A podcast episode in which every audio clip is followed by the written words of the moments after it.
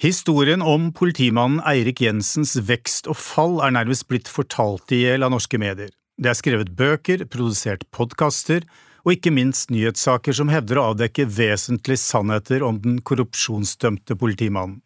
Likevel framstår han som en gåte for de fleste av oss. Jeg sitter her sammen med Trond Kvig Andreassen og Ragne Riise som står bak dokumentarserien Mr. Good – gåten Eirik Jensen, som nylig hadde premiere på Netflix. Velkommen! Tusen takk. Takk. Ja, dere har jobbet lenge med en serie der dere ønsker å gå dypere enn hva nyhetsmediene har hatt tid og tålmodighet til i, i denne gåten, og jeg tenkte jeg bare skulle gå rett på sak og spørre hva har vært viktig for dere å få frem?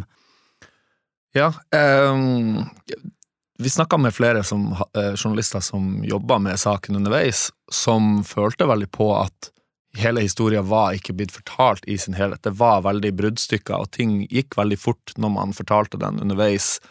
Mens rettssaken gikk på, eh, og, og sånn boka til Torgrim Eggen ble skrevet under og rett etter, sluppet rett etter tingrettsdommen og sånn.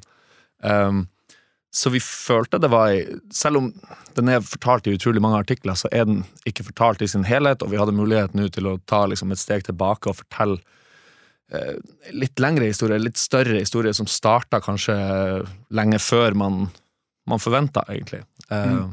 Så vi ville spole litt tilbake, se på politikultur eh, på 80-90-tallet. Hvor kommer Jensen fra, og, og hvem er han?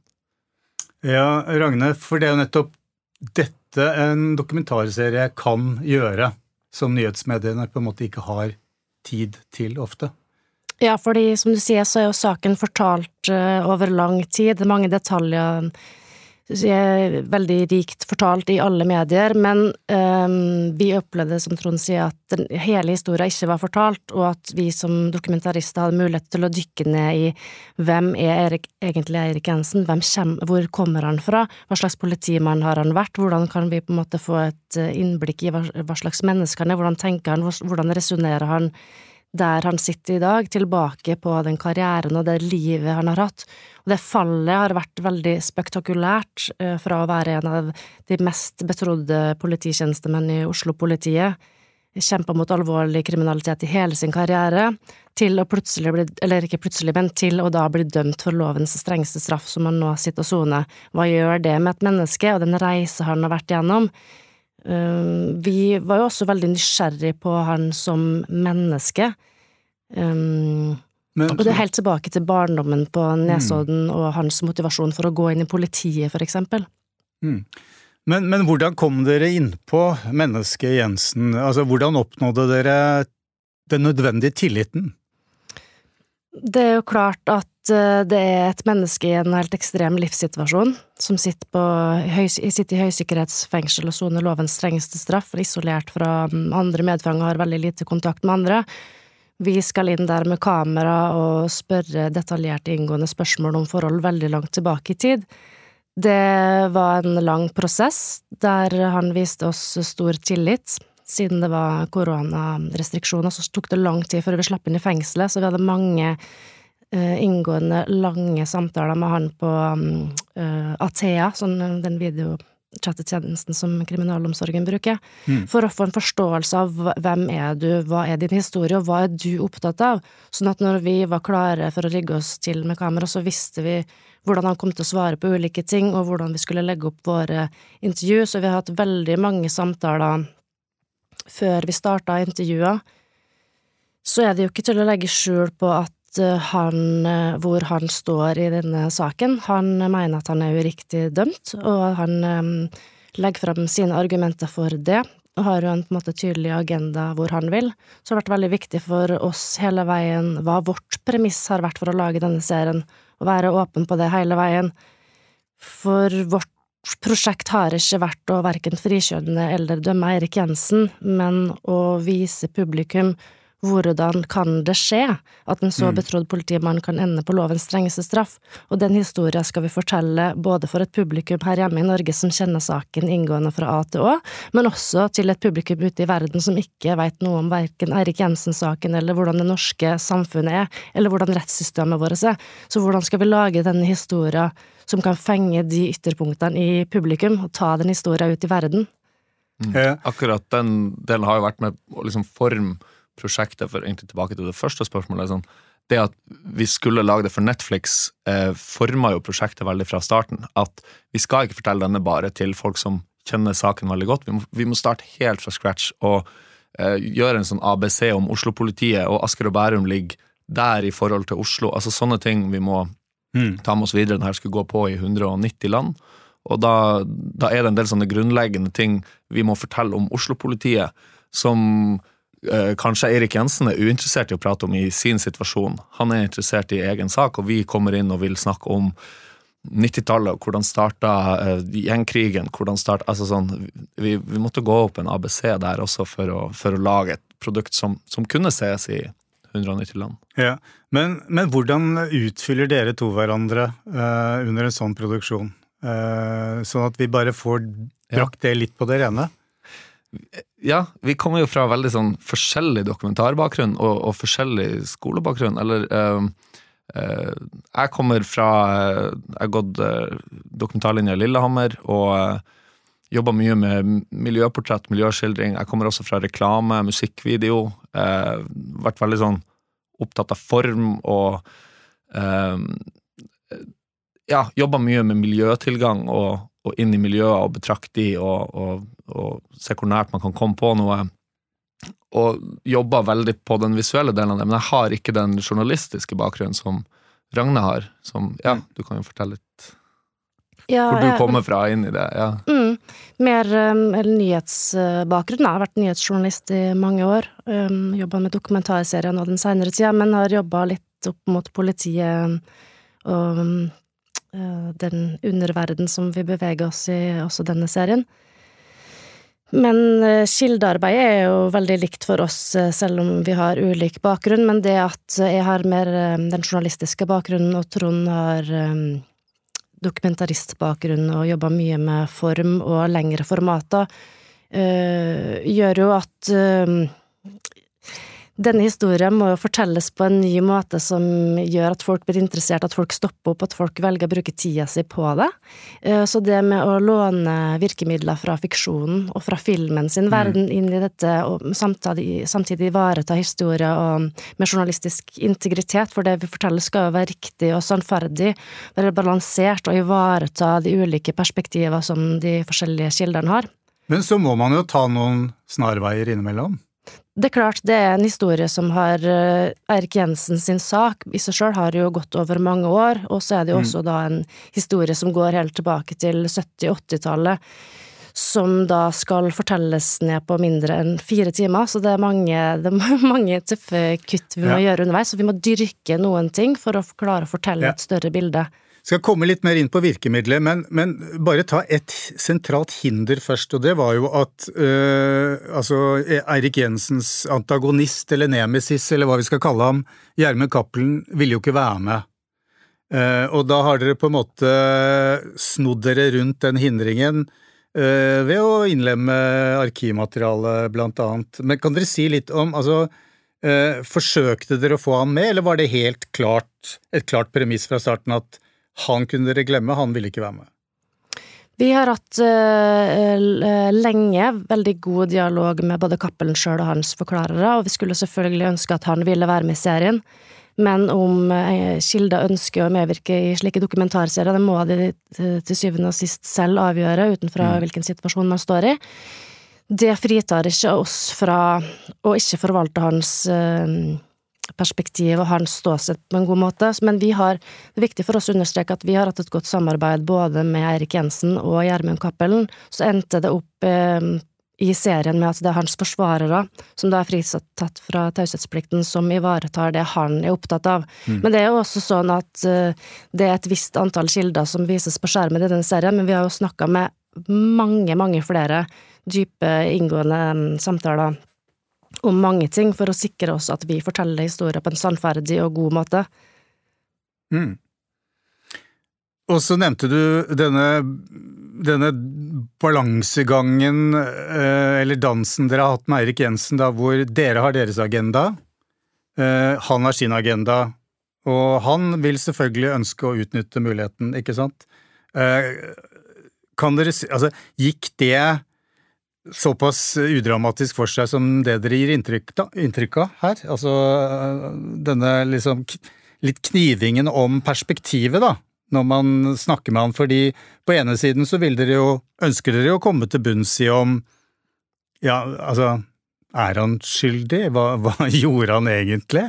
Eh, på andre siden så vil dere gi ham en fair, eh, altså fair runde. Eh, at han skal bli framstilt eh, noenlunde, hva skal vi si, riktig. Så, så, hva kan du si om akkurat den, den dansen der? Eller den kampen, eller hva man enn skal kalle det? Jeg opplever jo at Eirik Jensen har vist oss veldig dyp tillit med å stille opp, både i lange forberedende samtaler før vi kom inn i fengsel og filma. Vi har vært i fengselet i fem hele opptaksdager og filma. Det har vært mm. lange strekk. Vi har fått lov til å spørre han om absolutt alt vi har villet. Han har sittet i time inn og time ut og svart på alt. Um, så er det jo sånn at det i den saken her fortsatt er mange ubesvarte spørsmål. Og det er jo bare Eirik Jensen og Gjermund Cappelen som veit alt om det som egentlig har skjedd. Mm. Og fortsatt så har vi jo ikke kommet helt til bunns i alt. Nei. Uh, du ser veldig uh, mystisk ut når du sier det, eller ser litt lur ut, men uh, det er ikke noe du vil fortelle mer om deg? Altså, hva, hva, kunne det være? Altså Altså, ser du for deg en ny sesong, er det det? Og ja, derfor altså, du smiler lurt? Ja. det, jeg, bare for å hoppe inn, så um, Det er jo samtaler som har pågått mellom Eirik og, og Kappern, der det er altså bare på helt basic nivå, de er ikke enige om hva samtalene engang handler om. Hva snakker ja. dere om i bilen da? Det, det, er to helt sånn steile fronter som snakker mot hverandre. Mm.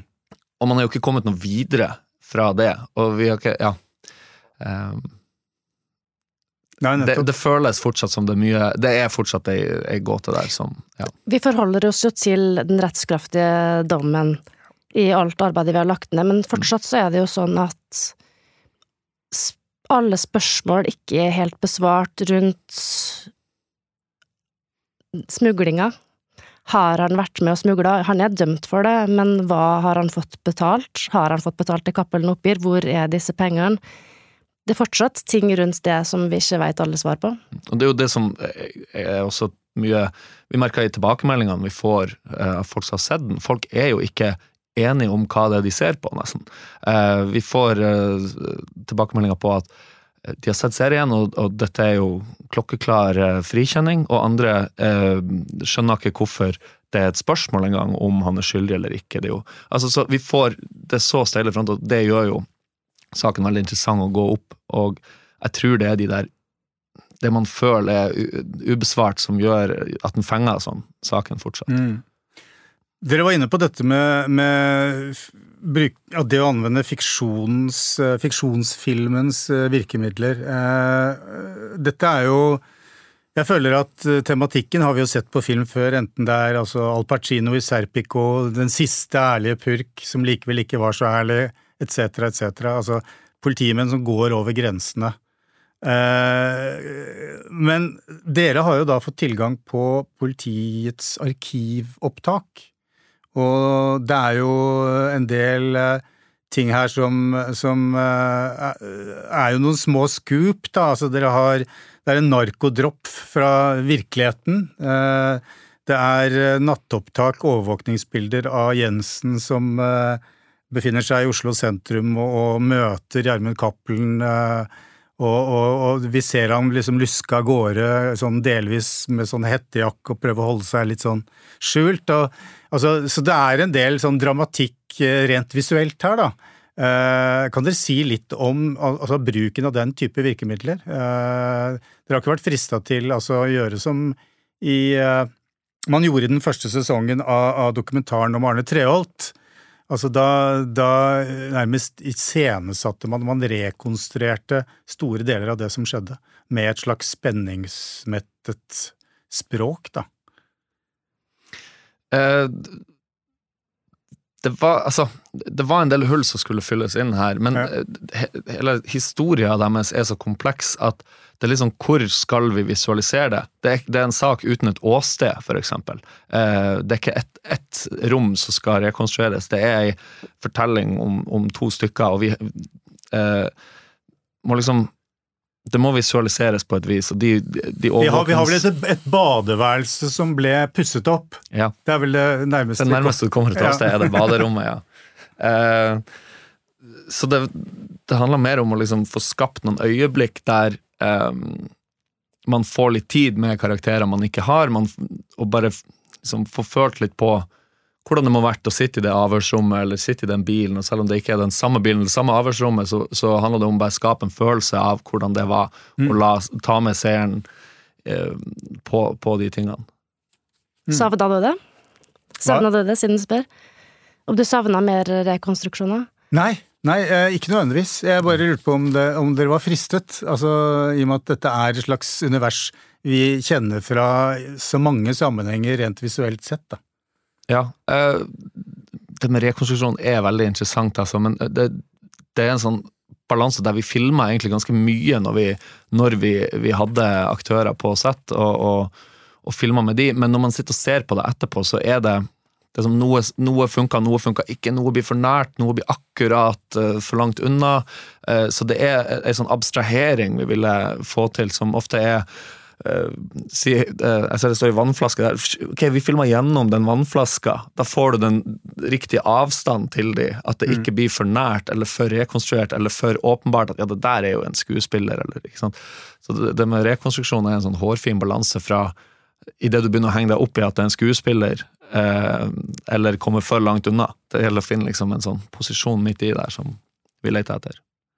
Men dere har jo tilgang til et vanvittig omfattende arkivmateriale, da. Mm. Kan dere si litt om det å, å lete gjennom det for å finne mulige innganger og, og, og, og, ting som dere syns var, var spennende nok å ha med? da?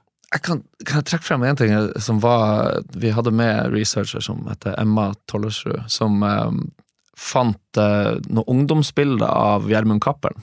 Fikk tilgang på de, og de er ikke vist noe sted før. Jeg, jeg kan huske når vi fikk de, var en ganske sånn eh, stor greie for oss, fordi Cappelen har veldig få bilder av seg ute. Så vi, eh, vi jobba en del med å få visualisert han eh, inni det. Så de få ungdomsbildene som finnes av han, var ganske, er ganske unik for serien, og ja, all honnør til henne for å ha gravd de opp fra et eller annet loft et sted. Det er jo litt, eh, egentlig litt feil at det er vi som sitter og tar æren for alt, for det er jo et eh, team på Monster som står bak. Så det er ikke bare vi som har laga serien. Det er Bendik Mondal, Sandre Hafsal, Tor Orell, Pål Wilhelm Nesset, mange, mange flere veldig flinke folk som har forskjellig bakgrunn. Noen er journalister, noen er dokumentarister, noen kommer med fra underholdningsbransjen, sånn som Emma Tollstud kom utleid fra Klassekampen. Sånn at jeg tror det er en um, faktor vi tar med oss videre, og at det er veldig viktig å sette sammen uh, laget med folk med Mm. forskjellig bakgrunn. Dere var jo inne på det med at altså, i og med at dette skulle lages, tilrettelegges for altså, seerne til Netflix, så ble det på en måte en ekstra dimensjon. Eh, man, man henvender seg ikke bare til norsk offentlighet lenger, for å si det sånn. Altså, eh, Netflix jo, har jo vært veldig viktig i forhold til true crime eh, som sjanger internasjonalt. Eh, men eh, og, og, og har også høstet kritikk for å være, mener noen, for opptatt av underholdningsaspektet, eksempel.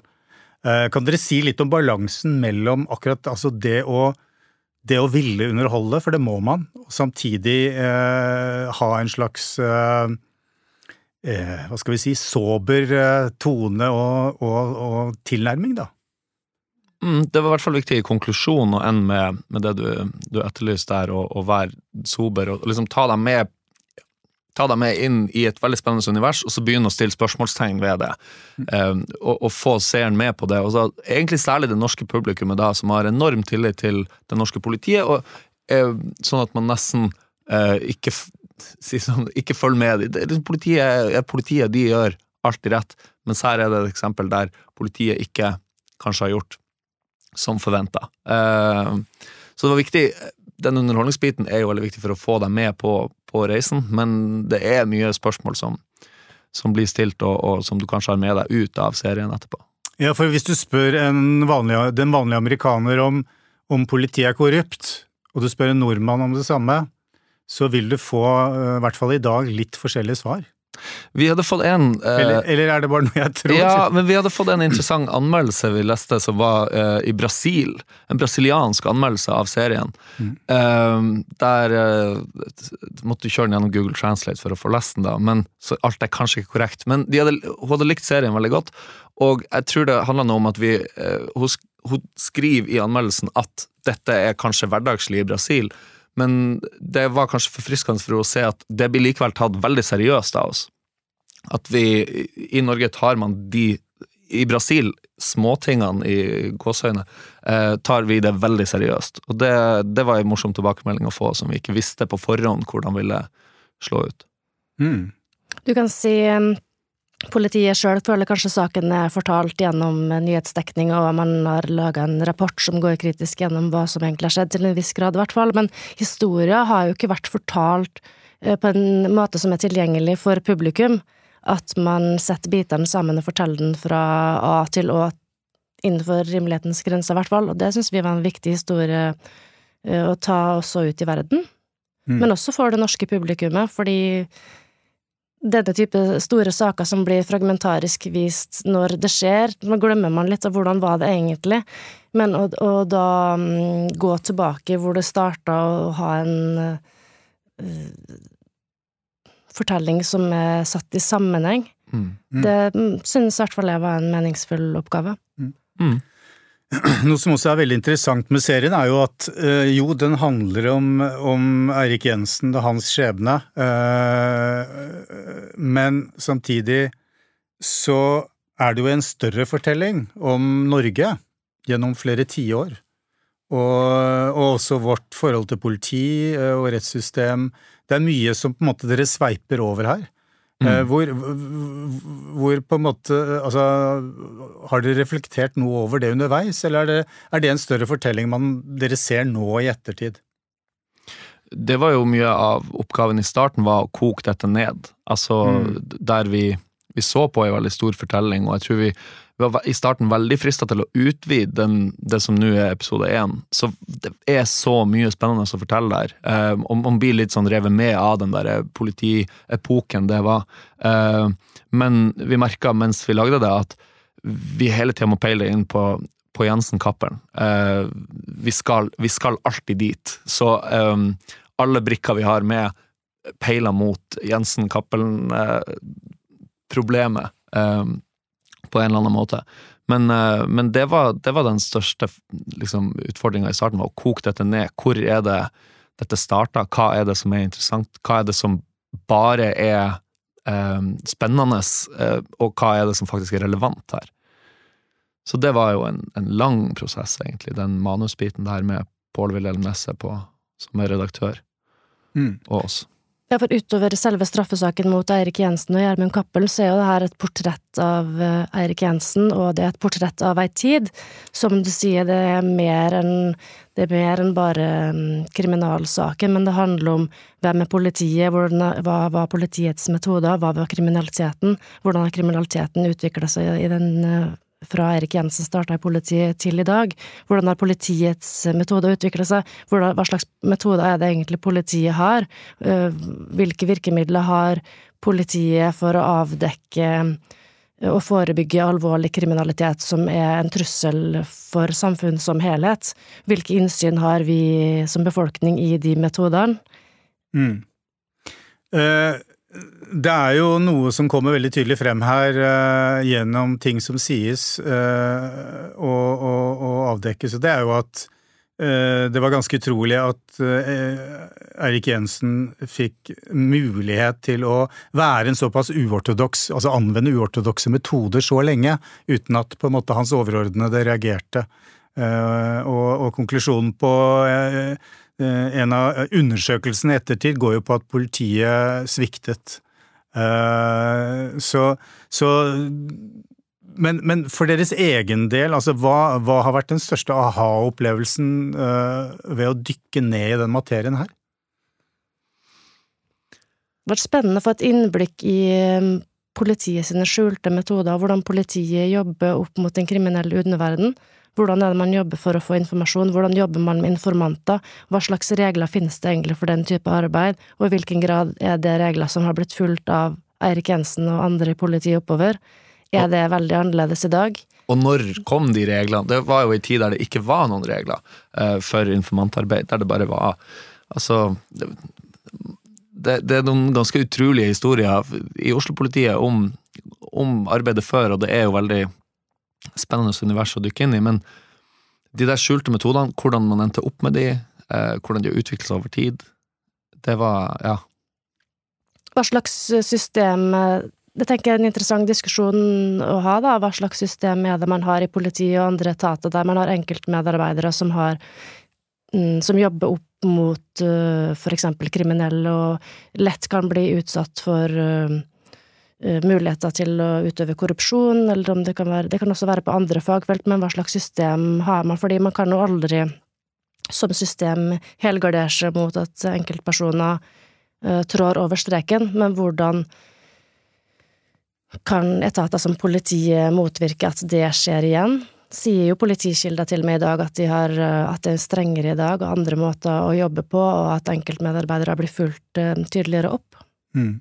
For det var jo uh, opptak her fra sånn 90-tallet hvor jeg følte meg hensatt litt sånn til altså den serien Fox Grønland som gikk den gangen, som utspilte seg liksom nede ved Grønland og politihuset og jeg lurer, jeg lurer til og med på om han ene, han Jon Malden, jeg lurer på om han spilte i den eh, Han ene politimannen jeg lurer på om han han spilte litt i Fox Grønland, ja. eller var det en annen serie? Han, ja, i hvert fall. Nei, så, så og, Hvor ting var litt enklere, og det var liksom Det var politi og røver, men det var liksom ikke noe Det var ikke noe gråsoner imellom eh, den gangen. Og, men det skjønner vi jo nå at det var det jo absolutt, i hvert fall i Erik Jensens verden.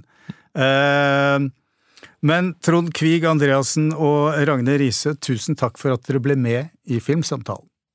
Takk for oss. Takk for oss.